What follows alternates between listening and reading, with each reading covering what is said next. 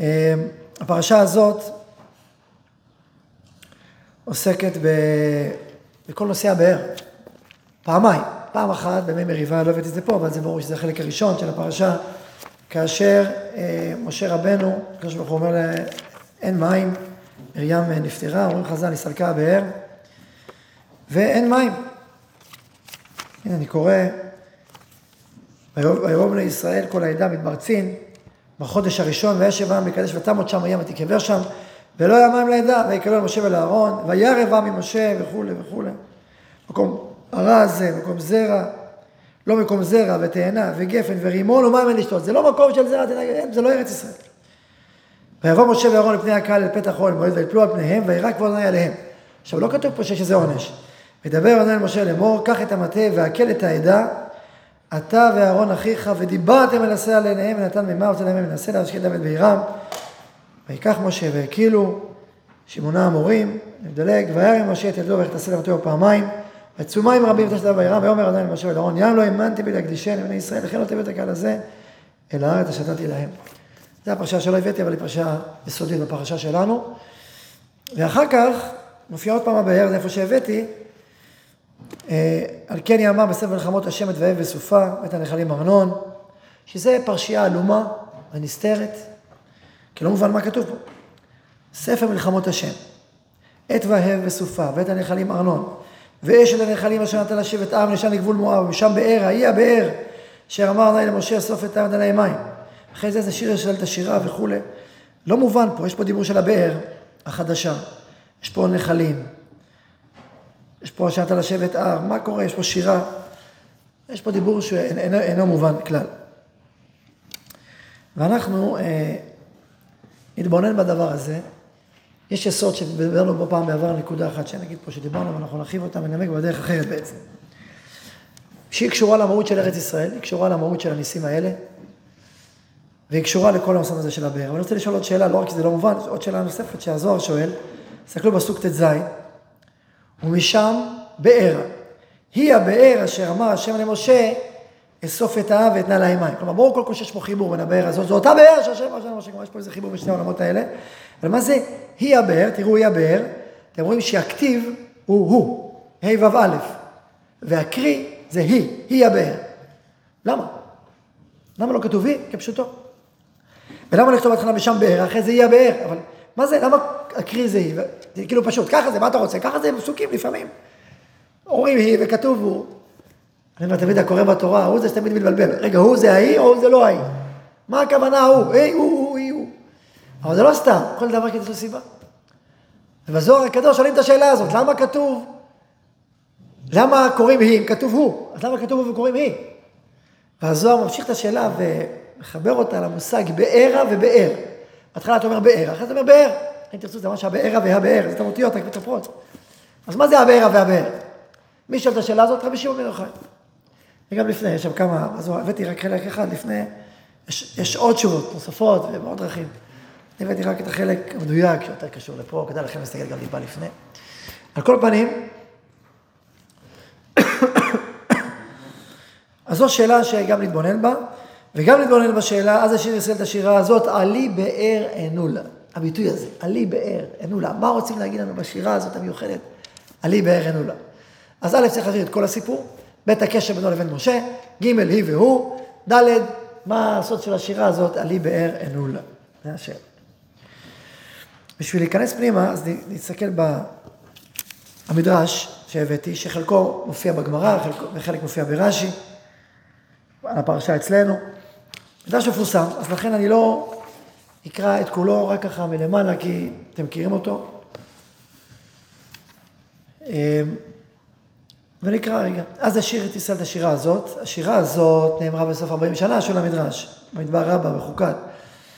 והבאר ניתנה להם מתחילת 40. הרי יש באר של מרים, הייתה כל הזמן. אז למה רק עכשיו שרים את השיר המדהים על זה שיש מים מבאר? מים יצא מהסלע. תמיד אמרנו את זה חידוש, אנחנו כבר 39 שנה הולכים, מים יוצאים מסלע. אז מה כזה מפתיע שלא יוצאים מהסלע?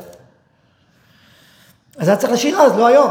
זה משהו, השירה הזאת, הבאר נהיה מתחילת 40. אז מה קרה? אז נגיד מרים מתה ונעצרו עכשיו באה, בסדר, אבל מה החידוש הגדול שיש מים מהסלע? זה כל הזמן קורה. ומה רע להיכתב כאן? ככה אני את אומר המדרש, העניין הזה נדרש למעלה ממנו.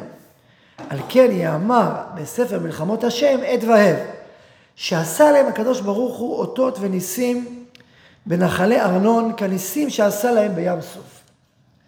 אז קודם כל אני רוצה אולי להזכיר משפט שאמר הרב שלמה בן אליהו, שיחיה בעונג שבת, השבת. זוכרים, אמר משפט כזה, אמר, תורת השבט תמימה, משיבת נפש. מתי משיבת נפש? כשהיא תמימה. מי אמר את זה? הרב ציודה. שהיא תמימה היא משיבת נפש. אבל תמיד אפשר לחשוב שהיא תמימה רק כשמקיפים את הכל, כל הש"ס, כל המדרשים, כל הרמב"ם. שזה צד אחד, שזה גם נכון. ברגע שאתה לוקח את כל, כל המקומות, אז דברי תורה נהיים מקום אחד, השני מקום אחר, ואז אתה רואה את כל התמימות של התורה, וזו הבנה אחת, שהיא תמימה עם ישיבת נפש. יש עוד הבנה, וזה מה שהוא אמר. תורת השבט תמימה בישיבת נפש, רק כשהיא תמימה עם ישיבת נפש, לנו פשט, רמז, היסוד. כשאתה לומד את התורה על כל הפרדס, אז זה ישיבת נפש. כמה פעמים אדם לומד, או רק פשט, יש לו המון שאלות, הוא לא מבין, איך היא משיבת נפש, מה, איך היא משיבה את הנפש שלנו אלינו, איך היא מורה דרך, אתה לא מבין. אתה מבין, יש פה סיפור, רק את הסיפור. כמו שאומר רבי שמעון, במקום אחר, אומר, מה, התורה נכתבה בשביל מילן דיאטיודה, סיפורים דיאטיודה, יש הרבה ספרות יותר טובה, הוא אומר. ואיך אפשר להגיד דבר כזה? אז היא גם לא משיבת נפש תמיד, יש קצת, אבל לא מספיק. ויש כאלה שמדברים רק על רמזים, קצת רמז פה ורמז שם, טוב, בסדר, כמה רמזים. אתה לא יכול ברמזים להוביל דרך חיים. זה רמז נחמד, זה, זה, זה פרפרת. אתה לא יכול לסעוד סעודה, זה פרפראות, נכון? אפשר לסעוד מהפרפרת. אתה לא יכול לעשות סעודה, אתה ישר רעב, אתה לא יכול, זה לא עובד ככה. זה לא מאוזן גם. שותה מדי סוכר, זה, אתה לא מבין. פרפראות. ויש דרש. דרש זה עולם רחב מאוד ועמוק. רק תמיד אחרי של דרש, איך זה קשור לפשט בסוף, איך זה מסתבר עם מה שכתוב. ולא רק לפשט של הכתובים, איך זה מתחבר אלינו, לחיים. איך העולמות הרוחניים הגבוהים פוגשים אותנו ביום-יום שלנו. בשביל שדברי תורה ידריכו אותנו, צריכים להיות פוגשים ביום-יום שלנו. אז בלי פשט, זה לא פוגש אותנו ביום-יום. את הדור, את העבר, את ההווה, את העתיד. ועל כולנה זה הסודות של הנשמה. בכל אדם, ודאי בישראל, יש נשמה קדושה, שיש לה צמאון עמוק לאלוהים. ורצון נשגב לעולם אחר בכלל לגמרי, עולם הבא, עולמות אחרים. ובלי שהתורה, עם הדרה שבה, והעומק שבה, והרמז והפשט שבה, לא מפרנסת ומתכתבת ומזינה את הכיסופים של הנשמה, עדיין לא הספקנו, עדיין זה חסר. אז לכן, רק כשיש פרדס תורה, ולומדים על פרדס, אז נפתחים לעולמות הגדולים של התורה, פרדס התורה. ולזה אנחנו קוראים לארץ ישראל. לשוב לארץ ישראל, שיבת, שיבת ציון זה התחדשות הרוחנית, התורנית, שעל כל שדה הפרדס התורה, וכל הרובדים שלה. זה לא וורט פה, וורט שם, איזה רעיון אגדי כזה, רבע מוסר, לא. זה דרך חיים שלמה שנובעת ממעמקיה של תורה על כל רובדיה. צריך לפתוח מעיינות של תורה בשביל זה, זה דרך לימוד. דרך לימוד היסודית, המקורית, הרחבה, מה זה תורה. ועכשיו, נשוב למדרש. אז מה המדרש? מתחיל לספר סיפור מדהים, כולם יודעים, יש שני הרים, עם ישראל נמצא בהר של מואב, באמצע יש נחל ארנון, מהצד השני יש הר של ארץ ישראל, הר של מואב מצד אחד, הר של ארץ ישראל מצד שני, באמצע עובר נחל שבעצם מפריד בין ארץ מואב לארץ ישראל. וכאשר עם ישראל עובר, דיברנו על מערבים, אז כבר המערבים לא התחילו היום, הם כבר אומרים בואו נעשה מערב לישראל.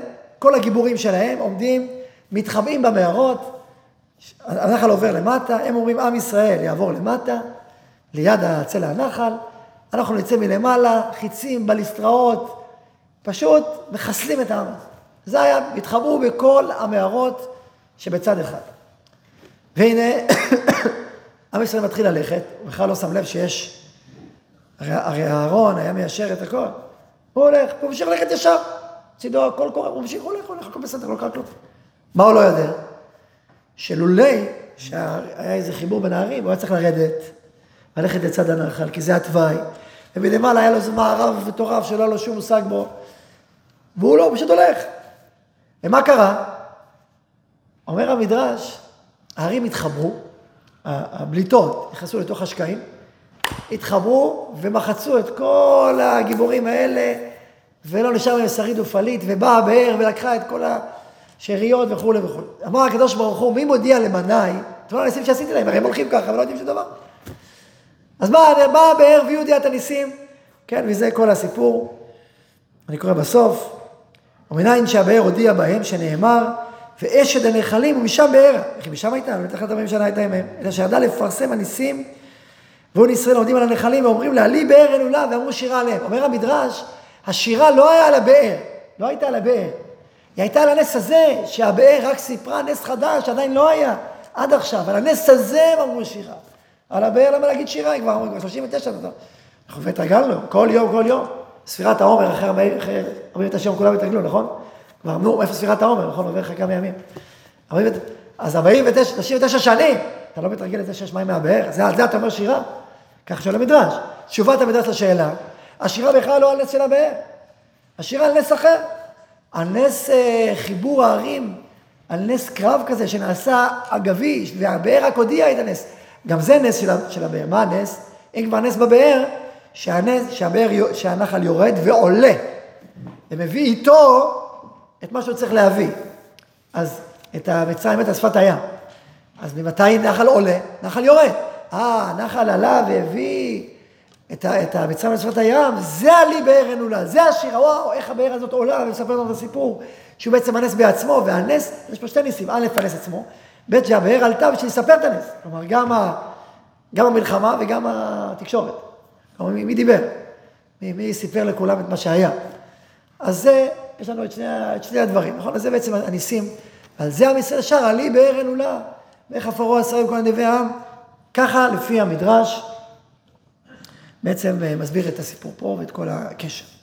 עכשיו כמובן שזה קשה בפשט. זה היה. אבל למה צריך להגיד, יא באר אשר אמר השם למשה, אסוף את עבד עליי מים? למה זה חשוב בסיפור הזה בכלל? לכאורה. שלא נזכר פה. וגם אחר כך, כל ההמשך, באיך אפסו קוראים, כל נדיבי העם, חוקרים אותם, מדבר מתנה, כל ההמשך, מה זה קשור? נשקף על פני הישימון. זאת אומרת, זה לכאורה לא מסביר את הכל, מסביר לנו חלק יסודי. אמ, אבל אם נתבונן רק נראה עיקרון גדול שנמצא פה בעצם טמון במדרש, זה כתוב, מודגש, ומפני זה נזדעזע. למה נזדעזע ההר של ארץ ישראל וזז? מפני שהוא מארץ ישראל. משל לשפחה שראתה בין אדוני הבית אצלה, קפצה וקידמה אותו וקיבלתו. איזה חידוש, איזה, איזה דימוי. מה הדימוי? יש פה שפחה, יש פה מישהי שכל כולה נועדה לשרת, לתת, להתמסר למישהו. והנה הגיע בן אדוני, מחכה לה למי שיתמסר, הוא לא נמצא, את מי שרגילה כל יום להשקות אותו ולתת לו אוכל, לא, לא, לא, לא בא, פתאום הוא רואה אותו, בן אדוני הבית שלה. יותר מאדוניה, האדון אומר לך, תקשיבי לבן שלי, טוב. העוזרת הזאת, אז היא רואה, וואו, הנה הבן שלו, הנה, עכשיו אני בא. נזעזע, מי? ארץ ישראל. ראתה את עם ישראל. והיא כל כולה נועדה על העם הזה, והרצון שלה להתחבר לעם שלה, יצר את החיבור הזה בין העם. נכון? זה מהמדרש. עכשיו שימו לב שזה נס אחר לגמרי, וזה הזכר את הנקודה הזאת, הזכרנו פעם ונשוב, נשנה אותו, שנס קריעת ים סוף הוא נס שונה לחלוטין מנס, אה, מהנס הזה. כי קריעת ים סוף זה נס של קריאה, של ניתוק שני חלקים. לקחת דבר אחד והכנת אותו לשניים. זה הנס. ואתה עברת בין בית הרב. הנס הזה נס הפוך, לקחת שני דברים נפרדים ולחבר אותם לאחד. ואתה עברת למעלה. אפילו לא שמת לב שזה קרה, החיבור, הייחוד הזה הנפלא הזה. והסברנו אז שהכניסה למדבר, לחוץ לארץ, היא כניסה של קריאה. צוויידינס, נצדה. והכניסה לארץ ישראל היא כניסה של חיבור וייחוד, שזה, למה זה קשור בסוף בכל אופן? כניסה של שלום. אחרי שאמרנו צוויידינס, צריך לחבר לדבר אחד. מה זה עושה באותו פונדק? אז יש פה איזה מהלך אחד הרוג, אלו ואלו דברי אלוהים חיים, ואיך הכל מסתדר יחדיו. אמרנו שזה השער הכניסה לארץ ישראל. לא חס וזה הרחבנו בזמנים אחרים. עכשיו אני לא... נמשיך את היסוד הזה. אז שימו לב בעצם, הרי, הרי זה בדיוק כל הסיפור. יש פה, יש פה הר עם שקע, שקעים. יש פה הרים בליטות. אז מה אתה יכול להגיד? מה הקשר? הרים בליטות הוא פה, הרים משקיעים הוא פה. אין שום קשר, בכלל לא הבנת כלום. השקעים מזמינים את הבליטות. זה לא סתם. יש פה, יש פה זוגיות, יש פה איזה מין יחדיו. כשאתה נכנס לדלת ואתה רואה מנעול, ואתה רואה שיש אה, איזה חריץ. מה למה יש חריץ? למה יש פה חריץ? מה עושה פה חריץ? מה, סתם לחלק את הדלת? לא הבנת, אם יש חריץ, סימן שיש צריך להיכנס בחריץ. אז למה זה חריץ ככה דווקא? כי לכל מפתח יש מנעול. אחרת כל אחד יפתח. אז אני צריך בדיוק את המפתח הזה עם החריצים שלו, שייכנס בדיוק למנעול הזה, וככה ייפתח השער, אחרי זה לא ייפתח. יש קשר בין החריץ שאתה רואה, לבין המפתח שאתה רואה, זה לא כך סתם, נכון? אז אותו דבר, אתה רואה שקע, ואתה רואה בליטה. אז הגויים לא אומרים, מה, זה בדיוק הפוך, יש פה פער, אנחנו ניכנס בפער הזה, ושם אנחנו נשמיד את עם ישראל. לא הבנתם. יש פה קשר עמוק שמתרחש בין שניים, בין איזשהו מילוי צורך, מילוי חוסר, וזה, החיבור הזה, הוא זה שיוצר את הנס, והוא זה שפותח את השער לעם ישראל להיכנס לארץ ישראל. אז זה גם חיבור פיזי, דרך הסיפור של הנס, זה גם חיבור מהותי, דרך זה שארץ ישראל ראתה את ישראל והרצון שלה להתחבר אל עם ישראל גרם את הנס הזה, ככה לפי המהות של הסיפור שהתגלה בפיזי, ב, כמו שדיברנו בין הערים. זה מסר עמוק שהמדרש כבר הביא לנו, כבר מהמדרש אנחנו רואים אותו. ועכשיו אנחנו נעשה עוד צעד פנימה. ניכנס לזוהר הקדוש, ומהזוהר נוכל להבין יותר לעומק, ואז למדרש, ואז את הפשט. אבל אני לא רוצה בזמן. ברוך אתה, אדוני אלוהינו מלך העולם, שהכל נהיה בדברו. תודה רבה.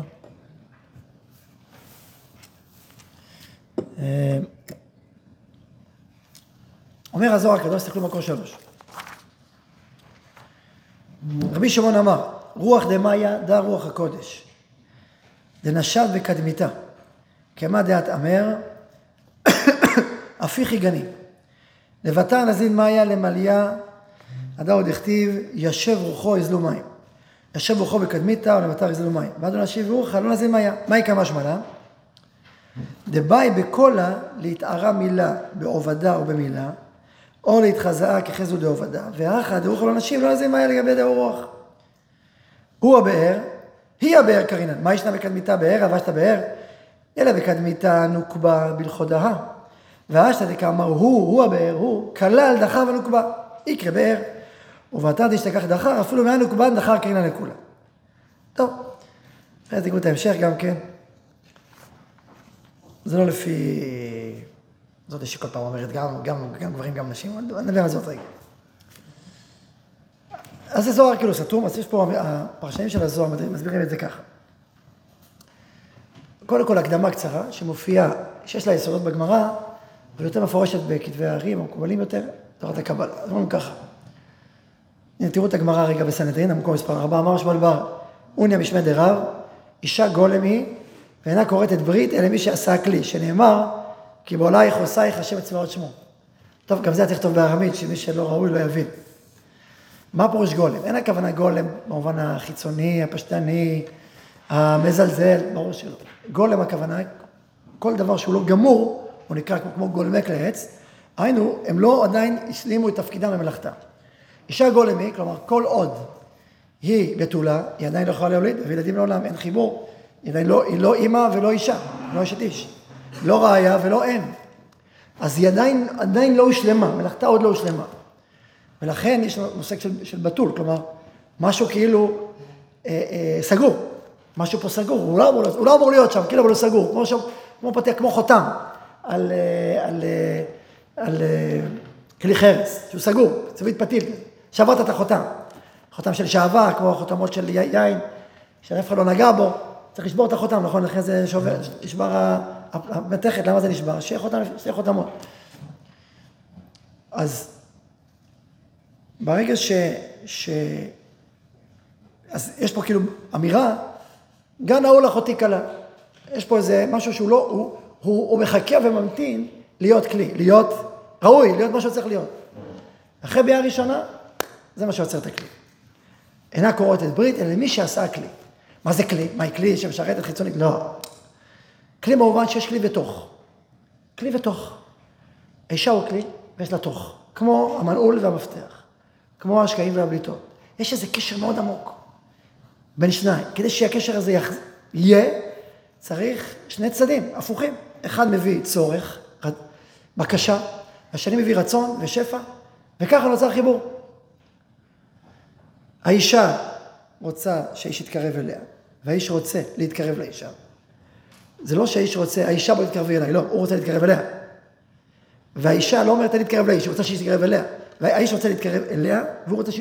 והיא רוצה שהוא יתקרב. אתה מבין את ההבדל? הוא האקטיבי, האיש מחזר אחרי אבדתו, ואין אישה בחזרת האיש. האיש בחזר. האיש פועל את הפעולה האקטיבית והאישה מקבלת בדיוק את זה, וככה נוצר חיבור, אבל לא פחות מה... האיש רוצה לישא והאישה רוצה להינשא, כן? יש בשני הצדדים.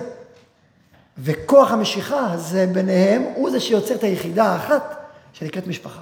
בלי כוח המשיכה, דרך השונות הזאת, לא היה, לא היה משפחה אחת. ולכן, כידוע, היום כבר יש לזה סדנאות והתפתחות, שאם רוצים להגביר את כוח המשיכה בין איש לבין אישה, צריך להגביר את השונות ואת הייחוד בכל המובנים, המנטליים, רגשיים, נפשיים, ביולוגיים, כל המובנים. ככל שהשונות יותר בהירה ויותר מופיעה, ככה כוח המשיכה גדל. ככל שהכל מטושטש, והאיש והאישה זה איש והאיש זה אישה, וככה כל הזמן מדמיינים את הדמיון, הדמיון, הדמיון, הדמיון, אז כוח המשיכה קטן. ולכן, יש עניין גדול שחוץ מהשוויון הפנימי, השאיפות המוכרות, המיוחדות, השורשיות, שהן באות מאחד, בשביל להגיע לאחד בסוף בפועל צריך באמצע ליצור שניים רבתי, שניים איכותי, שניים משמעותי, ואז מגיעים לאחד שמשקף את אותו אחד שורשי, שממנו צמחו השניים. הורים המקובלים, עוד דבר, ידוע שאישה לא מתעברת עם ראשונה. ככה אומרת הגמרא ברמות, ידוע, עומדים איזה מילות. אז למה, אז אם ככה, זה, זה סתם מיותר? לא, זה לא מיותר. בעיה ראשונה יוצרת הכלי. מה הכוונה? באופן פנימי מסבירים לנו המקובלים, שכאשר ליל הכלולות, האיש מביא משהו מהרוח הנשמתית שלו לאישה. זה קורה גם בפעולת הקידושין וגם בייחוד בליל הכלולות. אז האיש מביא רוח מהנשמה, מהפנימיות שלו, לאישה. וזה גורם לאישה להשתוקק אל האיש, ברמה גבוהה יותר של זוגיות. זה נקרא בלשון הסוד, רוחא דשביק בה בעלה. רוח שישב בבעלה. אז לא מדבר על זה בעיקר סביב אלמנה, סביב ייבום, סביב כל הסוגיות האלה. זה קשור כמובן למושג של גט, זה קשור להרבה מושגים. רק זה, בכותרת זה נקרא רוחא דשביק בה בעלה. רוח שהשאיר בה הבעל, שבעצם מחברת אותה לבעלה. אז אם ככה, מה עושה, מה עושה האיחוד הראשון הזה? אז זה גם, זה גם שהאיש עושה פה פעולה, אבל הוא בעצם בונה את הכלי ואת השייכות של האישה אליו. כל זה קשור למה שכתוב בזוהר. רבי שמעון אמר, רוחא דמאיה דה רוח הקודש, דנשיב בקדמיתה. זאת אומרת, כדי שיהיה ייחוד, כדי שיהיה קשר, אז צריך לעורר את האיש, את הברכה להופיע. הרוח הזאת שמעוררת את הברכה להופיע, היא רוח הקודש. אם נדבר על עם ישראל וריבונו של עולם, כמו איש ואישה. אז עם ישראל נעשה במד סיני. בעולייך עושייך, מד סיני. ומאז נוצרה בנו געגוע, נוצר בנו געגוע עמוק לאלוהים, לקדושה, לתורה. זה ניבאנו, זה טבוע בנו. מאיפה? מאז. כי בעולייך עושייך, השם צבאות שמור. כן, זה הפסוק בסוף, בסוף הגמרא. כי באוהלייך עושייך השם צבאות שמו. יום חתונתו זה מתן תורה. מתן תורה נתבע בנשמותינו, שקיבלנו את עשרת הדיברות, את, ה, את הטל העליון הזה, נתבע בנשמותינו הגעגועים לאלוהים, הגעגועים לתורה. אז הייתה ספיגה עמוקה מאוד של הטל הכי נשגב של תורה, של קדושה, שנתחבר בנשמותינו, ומאז נוצר לנו געגועים לתורה ולקדושה ולאלוקים, ועם הגעגועים האלה אנחנו הולכים כל ההיסטוריה. געגועים של ישראל אלוקים, געגועים שלנו לתורה, באים משם. ואז מה קורה? איך אדם יכול לזכות לשפע של תורה, לשפע של קדושה, לשפע של ברכה, לשפע של חיים? כשהוא מתגעגע. כשהוא מחפש, כשהוא כוסף, כשהוא רוצה. הוא מעורר את השפע הקדוש לחול עליו. ואז מגיע. כשאדם בא רוצה ללמוד תורה, רוצה ללמוד סוגיה, רוצה ללמוד תורה, רוצה ללמוד תנ"ך, הוא מתגעגע לאלוקים, מתגעגע לתורה, הוא מתגעגע לפנימיות של התורה, והוא אומר, ריבונו של עולם, אני רוצה תורה. אני רוצה להביא את הסוגיה לאשורה, אני, והוא עמל, פה יש הרבה עמל. הרבה עמל, להגשים את הצמאון זה לא פשוט. זה לא פשוט. אדם חלומות, אתה ממש רוצה, אבל או, לעשות את זה, זה עבודה ענקית. יש עמל מאוד גדול. אבל העמל הזה מתחיל מגעגועים. העמל הזה לא מתחיל מכפייה. הוא לא זה משהו חיצוני. הוא מתחיל מגעגועים עמוקים, מאיזשהו חיבור עמוק, באיזשהו ייחוד ראשוני, ומשם מתחילים הגעגועים. אומר הכוזרי על הנביא, שהוא מקבל נבואה, אחרי שהוא נבואה פעם ראשונה, הוא אומר, כל ימיו כוסף ומתגעגע לאותה נבואה. כוסף כל ימיו, הוא חווה את הנבואה הזאת, הוא חווה את זה, וואו, הוא כבר יודע, זהו, אין. הוא כבר דבק אחריו. כל ימיו הוא מתגעגע, תראו דוד המלך בתהילים, איזה כיסופים, איזה... כי נוצר האיחוד הראשון ואחר כך כיסופים. ואז מגיעים הגעגועים, ואז מגיע השפע. אבל ברגע שהשפע מגיע, חוזר אלינו, אז באה כל הברכה, ובאים חיים חדשים, ויצירות חדשות נולדות, ואוצרות חדשים. ככה זה הסדר. אז אחרי הפעימה הראשונה, צריך קודם כל צריך געגועים. על זה כותב רבי שמעון הרוח, זה נקרא רוח הקודש. שהרוח הזאת שמתגעגעת וכוספת ושרה ומחפשת, הרוח הזאת היא זו שמעוררת השפע להופיע. הפיך יגני, ואז יזלו בסמיו. יבוא דודי לגנו וחבר מידיו. קודם כל הפיך יגני, הרוח הזאת, ואז זה מעורר את השפע. אחר כך כותב, ישב רוחו, יזלו מים. מי זה ישב רוחו? צריך להגיד ישב רוחה, נכון? אה, אומרים שם הפרשנים, ישב רוחו, זה רוחה. אבל למה זה רוחו? כי מאיפה בא רוחה הזה? מהניצוץ שלו, נכון? רוחו נשק בבעלה, אז לכן זה רוחו לשון זכר. ישב רוחו, יזלו מים. הרוח הקודש הזאת מתעוררת וכוספת ושרה, ואז מגיעים המים. ועד דלא נשיב רוחה, לא נזלין מיה. אם אין צמאון, ואין רצון שלנו לזה, לא באים המים. ולכן הוא אומר, מהי כמה שמלה? ברור שאם אין צמאון לא יבוא מים. אדם לא שותה אם הוא לא צמא, נכון? קודם כל סימון, אחרי זה אדם שותה. מהי כמה שמלה? אומר הזוהר, משמע דבאי בכל הלהתערה מילה, בעובדה או במילה או להתחזק זו עובדה. קודם כל אתה רוצה להביא שבע מלמעלה, תתעורר אתה, תעורר.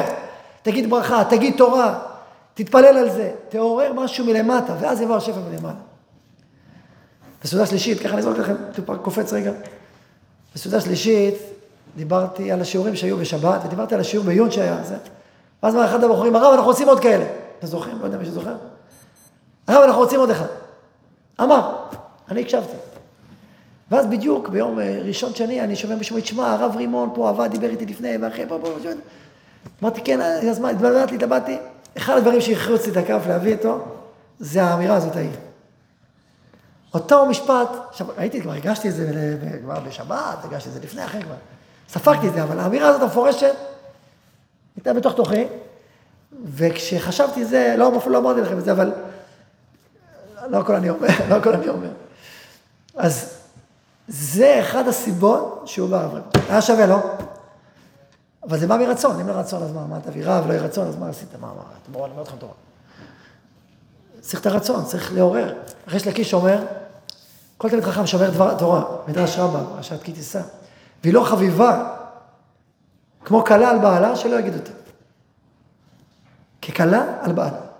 כלה מחפשת צמאה, רוצה עשויה, ואז רוצה לבוא. הרב ציודה החמיר בזה הרבה, זכר צדיק לברכה מורנו ציודה, והוא כל פעם לפני שיעור היה אומר לתלמידים, אתם רוצים שיעור? אתם רוצים או לא בא? תמיד הרב זמן היה אומר, אתם רוצים לא בא לא בא. פעם הוא בכלל לא בא, לא, לא, לא בא לו שרוצים, שרוצים, לא אמרו לו שרוצים, אז הוא לא בא. החמיר, החמיר ברצון. אבל לא תמיד הולכים ברצון, כי למשל בעניינים של צבא, הוא החמיר בכפה לבר כגיגי. וכל מה שאומרים לנו, רוצים להתגייס, מה פתאום עוד שנה בישיבה, עוד שנה בישיבה, עוד שנה בישיבה. אז תדעו שזה, כנראה יש הרבה גוונים לעניינים. על כל פנים, כל פנים, גם אנחנו גם לא רוצים שיהיה טעות, וצריך כל רגע לרצות. בסדר, זה דרגות גבוהות, כל רגע לרצות, כל רגע ורגע ייחודים. אם אתם מדרגת ייחודים בכל רגע, אז בסדר. הרב פורמן כזה, כל רגע רוצה, חדש. זה דרגות גבוהות, שאדם בכל רגע ורגע צריך לרצות. הדרגות שלנו, מספיק שיש רצון יסודי. יש שיעור ראשון, השיעור הראשון מעורר את הרצון, ואז אתה כבר רוצה, ואז תבוא. לא בכל רגע ורגע ורגע ורגע. ורגע, יש גם מחויבות, בסדר? יש גם, גם במשפחה. אם כל רגע ורגע ורגע תרצה, זו דרגה גבוהה, אל תקפצו מדרגות. מדרגות גבוהות ממש אפשר, צריך וראוי.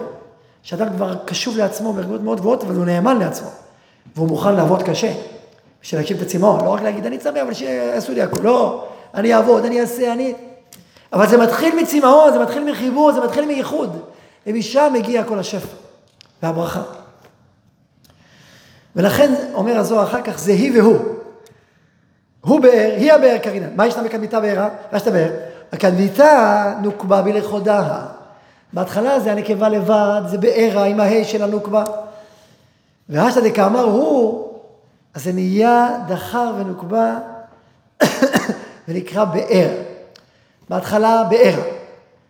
ואחרי זה יש העלאה של רצון, התעוררות, ואז אתה קורא היא, כי הנקבה מבקשת, נכון? אבל בתוך ההיא מה יש? הוא. למה יש הוא? כי זה הבעיה הראשונה, זה הניצוץ הראשון, כמו יחוי של רוחו. אז זה היא, מדובר על היא. אבל בתוך ההיא יש את ההוא, יש את הניצוץ הראשון שכבר נכנס. אז קוראים לה היא, אבל זה באמת הוא, אבל זה היא. הבנתם, נכון? ברור. היא הבאר. אז קודם כל זה היא. ואז מתעורר הבאר העליונה להשפיע על הבאר התחתונה. יש את הבאר שזה הנוקבה, אחרי זה היא, עדיין הנוקבה כולל ההוא, ואז מגיע הבאר שמביא מלמעלה, דוחה, מביא את השפע. כאילו הבאר העליונה. מביא את השפע ששופע ויורד ומביא ברכה. לו אחר כך בהמשך, בהמשך הזוהר, אז אשר אמר השם למשה, סוף את מה שהמדרש לא המשיך, הזוהר ממשיך. אני קופץ רגע, וכדין, אני אגיד בעל פה, כשעם ישראל היו רוצים מים, אז מה הם היו אומרים? אומרים שיר. והם מבקשים לבאר להגיע, כך אומר הזוהר. היו שרים, אמרי שירתה, מה, אמרי עלי באר, סלקי ממייך, להנפקה מים לכל, על וסתקה מנך, וחמת ושבתה. זאת אומרת שהם היו רוצים שהבאר תבוא, ואולי זה מהבאר הזאת ואילך. הם היו אומרים עלי באר אנולה, עלי באר אנולה, דברו איתה. והבאר הייתה משפיעה. כלומר, הם היו שרים שירים, זה רוח הקודש, רוח של השירים. מה זה שירים? שירים של צמאון וכיסופים וגעגועים. רוח הקודש מנשבת, השיר מרים אותה, מעורר את הצמאון, מגיע השפע. אז זה, זה השיר, אלו באר אנולה. ואולי זה העניין של הדיבור אל הסלע. הדיבור אל הסלע צריך להיות בשאלה, ברצון, צמאון, יש פה צמאון ענק של עם ישראל. בואו נהפוך את הצמאון לשיר צמא נפשי, לשיר של צמאון.